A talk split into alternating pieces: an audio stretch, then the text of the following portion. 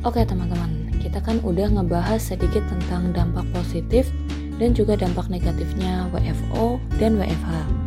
Dari situ kita uh, pasti bakalan berpikir, kalau gitu antara WFH sama WFO mana dong yang lebih efektif? Nah, hal tersebut pasti bakalan menuai beberapa pendapat yang berbeda. Ya, setiap orang kan pasti punya pendapat sendiri-sendiri ya teman-teman. Ada yang pro terhadap WFO, tapi ada juga yang pro terhadap WFH. Nah, tapi kalau kita bicara dengan uh, sudut pandang saat ini, yang kenyataannya ya kita masih ada, uh, kita masih dilanda pandemi yang setiap harinya terus menunjukkan angka kenaikan yang terus-menerus meningkat, maka uh, kita semua pasti berpikir kalau semua aktivitas akan lebih baik jika kita lakukan di rumah dulu ya teman-teman.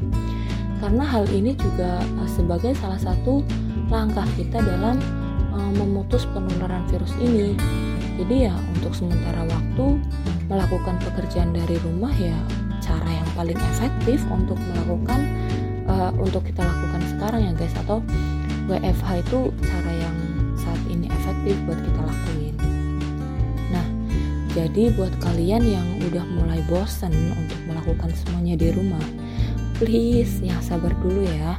Mungkin sebentar lagi sembari itu kita berdoa, uh, kita bantu berdoa dan juga bantu usaha dengan tetap menghindari kerumunan untuk menjaga keamanan dan keselamatan bersama. Itu ya guys.